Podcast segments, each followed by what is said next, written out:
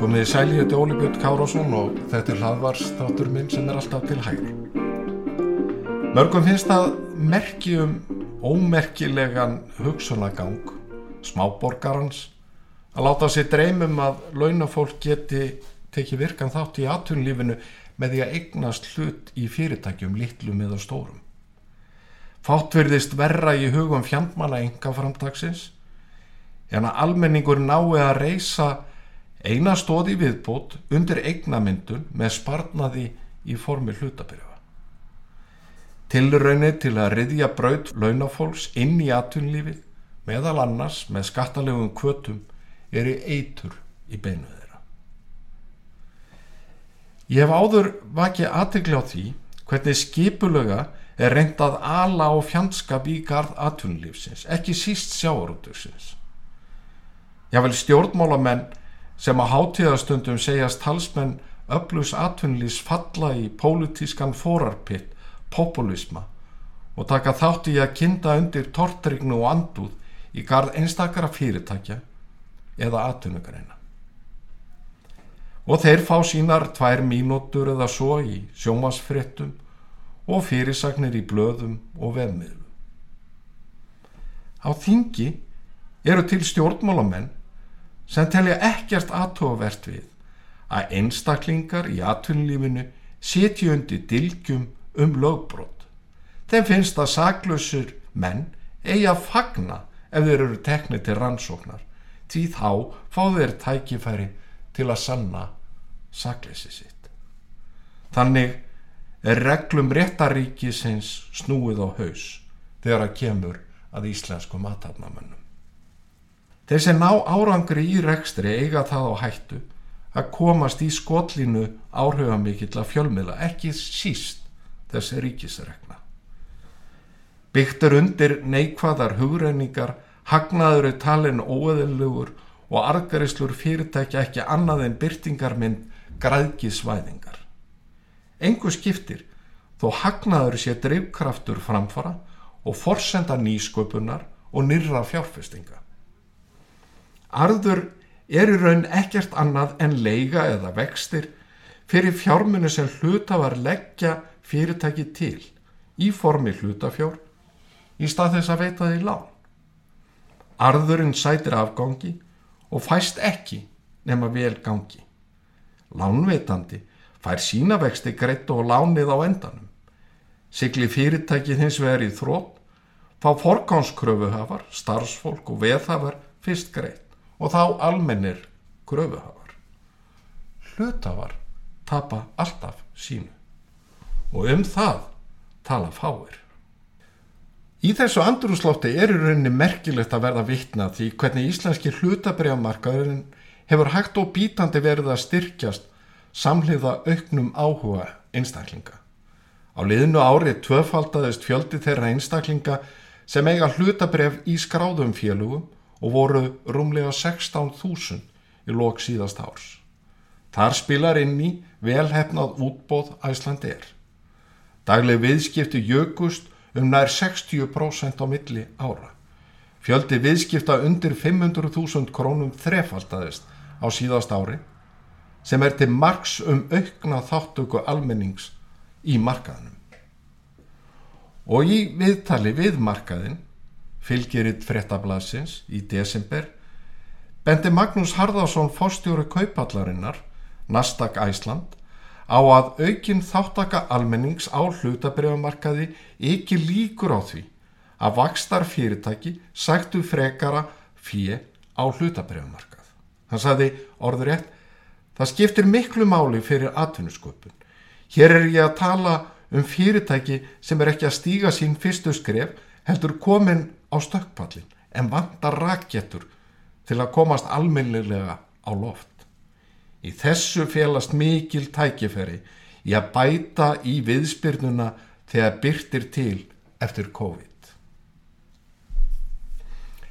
Fyrirhugur sala og skráning á alltaf 35% hlutafjár Íslandsbanka síðar á þessu ári mun ekki aðeins losa um eignarhald ríkisins á fjármálumarkaði heldur einnig styrkja innlendan hlutabriðamarkað og það mun skipta miklu máli fyrir íslensk atvinnlíf og þar með almenning. Virkur og öflugur hlutabriðamarkaður er mikilvæg stóð undir öflugt efnahagslíf og hagust og þar með bætt lífskjör. Fyrir utan að vera mikilvæg uppspretta fjármaks veitir formlegur hlutabriðamarkaður fyrirtækjum aðhald og leiðir til aukins aga og skilvirkni í rekstri. Ákverðin stjórnar síldarvinnslunar í Neskostað í byrjun februar að hefja undirbúninga skráningu hlutabrefafélagsins á aðalmarkað Nasdaq er því sérstakt gleðiðefni og er enn eitt merki um aukin styrk íslenska hlutabrefamarkaðarins. Stemt er að skráningu á fyrir hluta þessa árs. Aðeins eitt sjáaröldusfyrirtæki er skráð á ofinbera markað, það er Brim. Vonandi fylgja fleiri sjáaröldusfyrirtæki fordami Brims og síldarvinnslunar sem eru meðal öflugustu fyrirtækja landsins. Gunnþór Ingvason, fórstjóri síldarvinnslunar, hefur sagt að markmiðið með skráningu sé að ebla fyrirtækið og opna fyrir fjárfæstu. Og svo vitnað sé orðrétt í orð Gunnþórs með skráningu félagsins á markað fjölgar tækifærum fjárfesta til að koma að sjáarútvegi. Íslensku sjáarútvegur er framsækin aðtunugarinn þar sem stöðut er unnið að aukinni verðmætasköpun auðlindarinnar samliða áskorunum í að draga úr kólefnisspóri og umhverfis áhrifum greinarinnar. Ég er sjálfur samfærður um það að almenn skráning helstu sjáorðus fyrirtækja á opin hlutabriðamarkað með þeim skildum sem þar þarf að uppfylla vinnur gegn þeim undiróðri sem stundaður hefur verið gagvart sjáorútvegi í fjölmiðlum og á vettvangi stjórnmálana. Möguleiki á betni þáttöku í rekstri glæsilegur af fyrirtækja samþættir hagsmunni launafólks og sjáorútvegs í dreifbíli, jæmt og þjettbíli reglubundin og skýr upplýsingagjöf samhliða greiningum óháðara sérfræðinga ekkur ekki aðeins tröst heldur einnig skilning á eðli sjáortus fyrirtækja gefur insinn í hvernig verðmætin verða í raun til.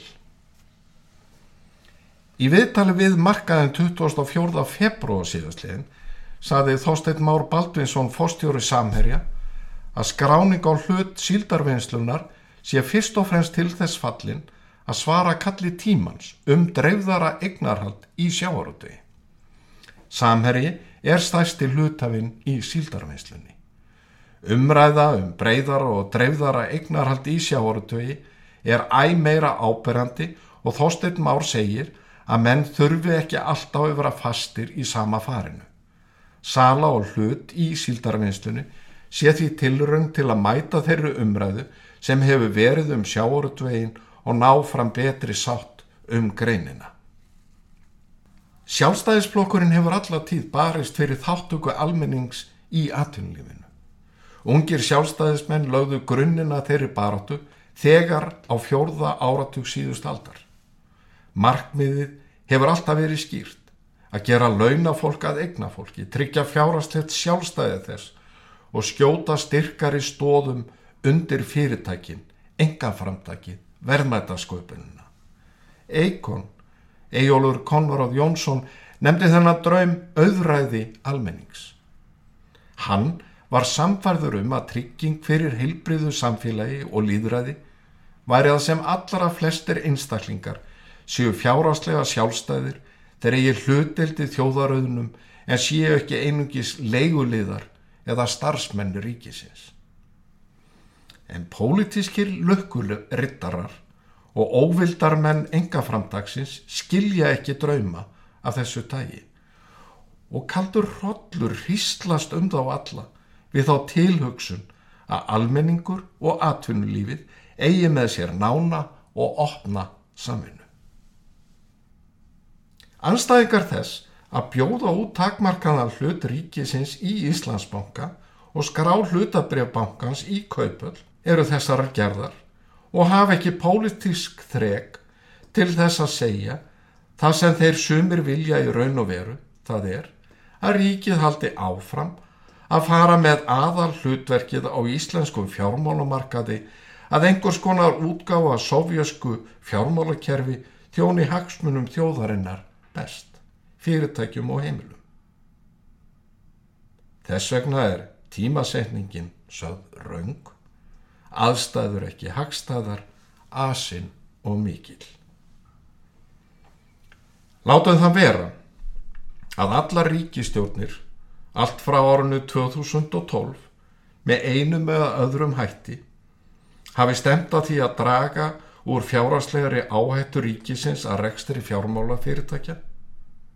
Þetta á meira segja við um vinstri Jóhannu Sigurðardóttur sem hafði þá skýru stefnu að selja allan eignar hlut ríkisins í Íslandsbanka og hluta í landsbanka þótt ríkið ætti góðan eða ætti að eiga góðan meiri hluta í síðarnemda bankanum. Þá var hluteld ríkisins á fjármálamarkaði mun minni en nú. Ríkisjótt Jóhannu Sigurðardóttir beitti sér fyrir setningu laga árið 2012 um hvernig staði skildi að sölu á eignarhlutum ríkisins í fjármálafyrirtækjum. Þá var Otni Harðardóttir fjármálar á þeirra. Í greinargerð með frumvarpinu var bent á að eignarhald ríkisins í fjármálafyrirtækjum sé ekki vegna markvisara stefnu um að auka umsvið ríkisins á fjármálamarkaði heldur um að ræða afleðingar og viðbröð við hruni fjármálakerfisins. Ég ætla að vitna orður rétt í greinagerðina. Þar sagði, með vísan til þessa eru ekki taldar fórsendu til þess að ríkið verði langtíma eigandi eignar hluta í fjármálafyrirtækjum heldur losi um þá með sölu að undan skildum skilgrendum lámars hlut í landsbankanum sem nú er í meir hluta eigu ríkisins. Lagt er til með frummarpinu að sett verði almenn lög um sölu egnar hlutaríkisins í fjármálafyrirtækjum sem innihaldi fastmótaða ramma utanum það hvernig sölu meðferð egnar hlutana skuli háta. Í stað þess að sótt sé sérstök lagaheimild í fjárlögum fyrir sölu á hverjum og einum egnar hlut. Og í langtíma áallum sömur ríkistjórnar ríkistjórnar samfélkingar og vinstri græna í ríkisfjármálum 2012 til 2015 kom fram áform um umtalsverða tekjuöflun af sölu ríkisins á egnar hlutum í félögum og fyrirtækjum, engum sölu ríkisins á egnar hlutum í fjármála fyrirtækjum. Við skulum horfa fram hjá þessum skýru fyrirætlunum vinstri stjórnarinnar og einni því að tvær síðustu ríkistjórnir hafa í stjórnarsáttmála stemt með skýrum hætti að sölu á stórum hluta egna ríkisins í böngunum. Setjum 300 blaðsina kvítbókum framtíð fjármálakerfisins frá 2018 til liðar. Gleimum umræðum í þingnemdum og þingsalum skipulag fjármálakerfisins og öllum lagasetningunum og hörtu reglunum um fjármálamarkaðin sem náð hafa fram að ganga. En forsagan rennir hins vegar ekki stóðum undir þá fullurðingu að asi ráði för. Það kann hins vegar að vera að nokkri þeirra sem undirbygg umfásmikla eignasölu ríkisins hafi skipt um skoðu. Mörgum finnst erfitt að taka ákvörðun jáfnvel eftir ára langan undirbúning, skýslur, ræður, fundir, greinaskrif. Ákvörðun á fælni, já. Hræðsla við breytingar, kannski.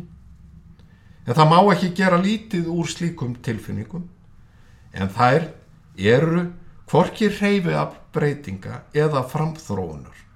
Heldur leiða til stöðnunar fái þær að ráða. Eftir allt sem á undan er gengið verður því illa haldið fram að hraðin sé mikill við að færa Íslandst fjármálakerfi í átt að því sem þekkist í öllum vestrænum ríkjum. Sala og takmörkuðun hluta í Íslandsbanka verður sent sögð vera bylting, fremur hænufett í rétta átt. Þeim sem finnst hraðin vera og mikill sverja sig í ætt við sníilinn sem kvartaði yfir hraða skjálpökunar. En hvað með tímasetninguna?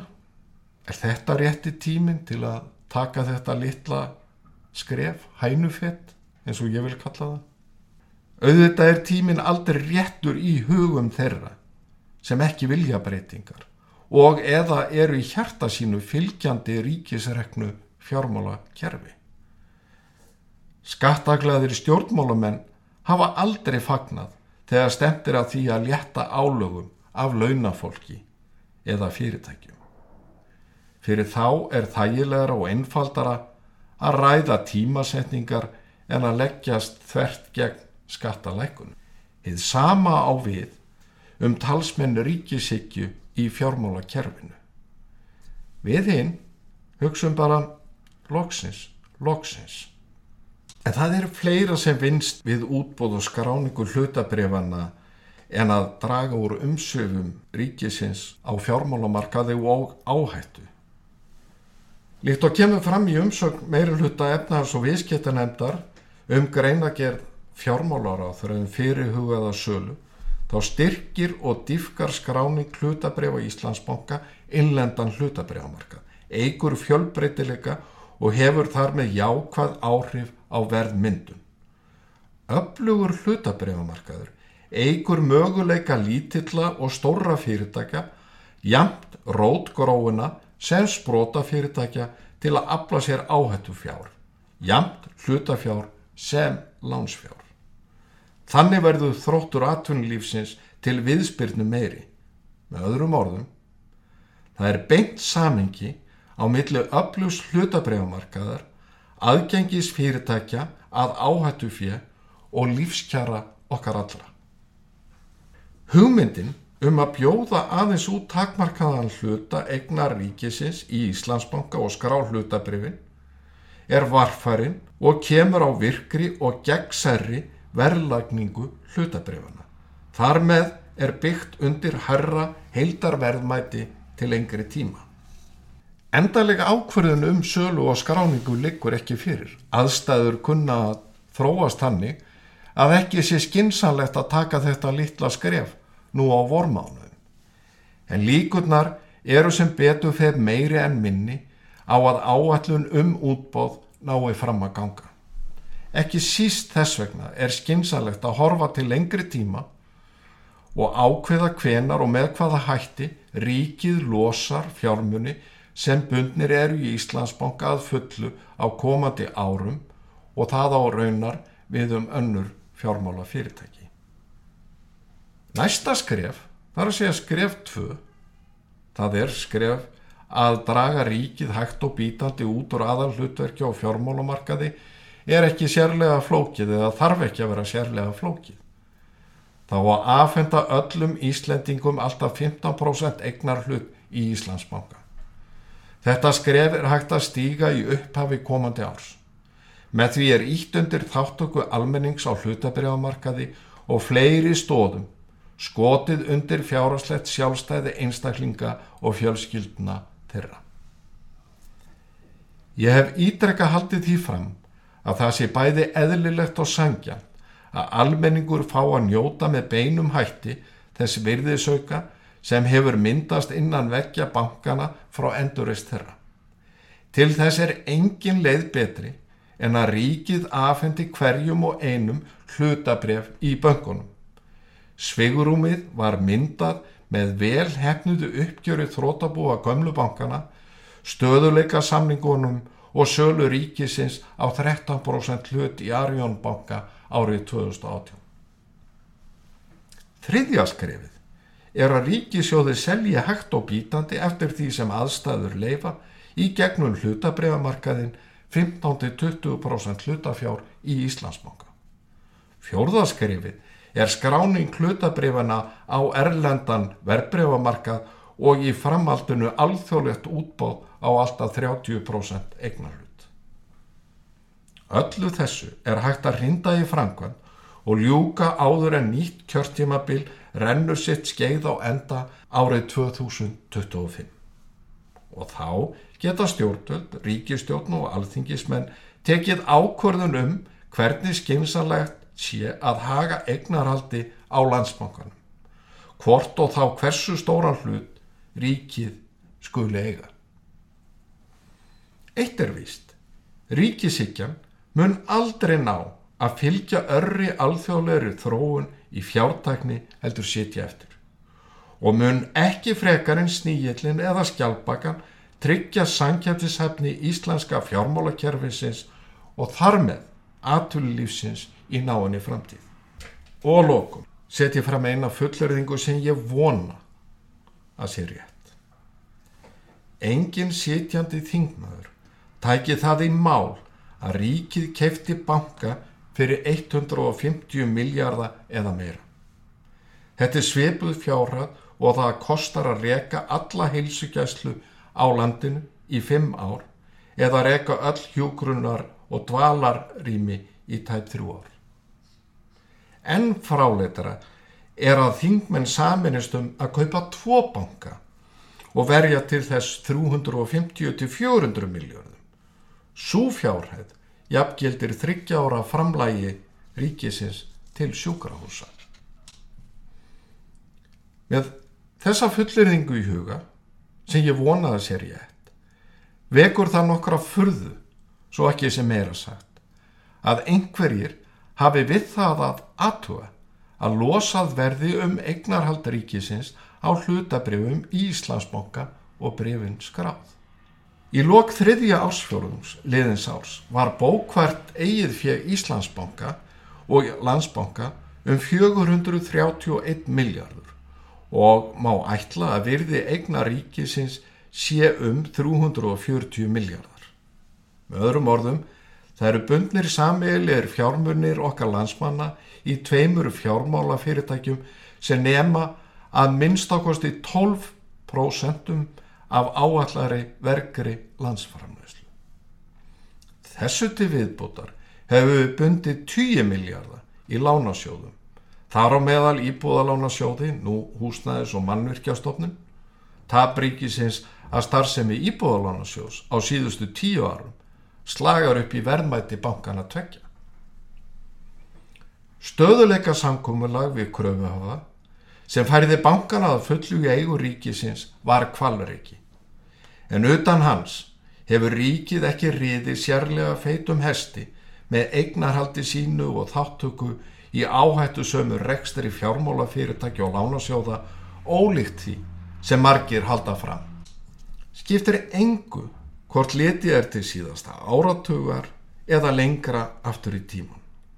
Þá er fórnarkostnaðurinn við að binda hundruð miljarda í fjármálakerfinu ekki með talin eða hvaða neikvæðu áhrif eignarhald ríkisins að stæstum hluta fjármálakerfisins hefur á samkeppni og þar með lífskjör okkar aldra. En um þetta vilja anstæðingar þess að draga úr ríkisrekstri og fjármálamarkaði ekki fjalla. Ég þakka þeim sem hlýttum, eigi góðu stundur.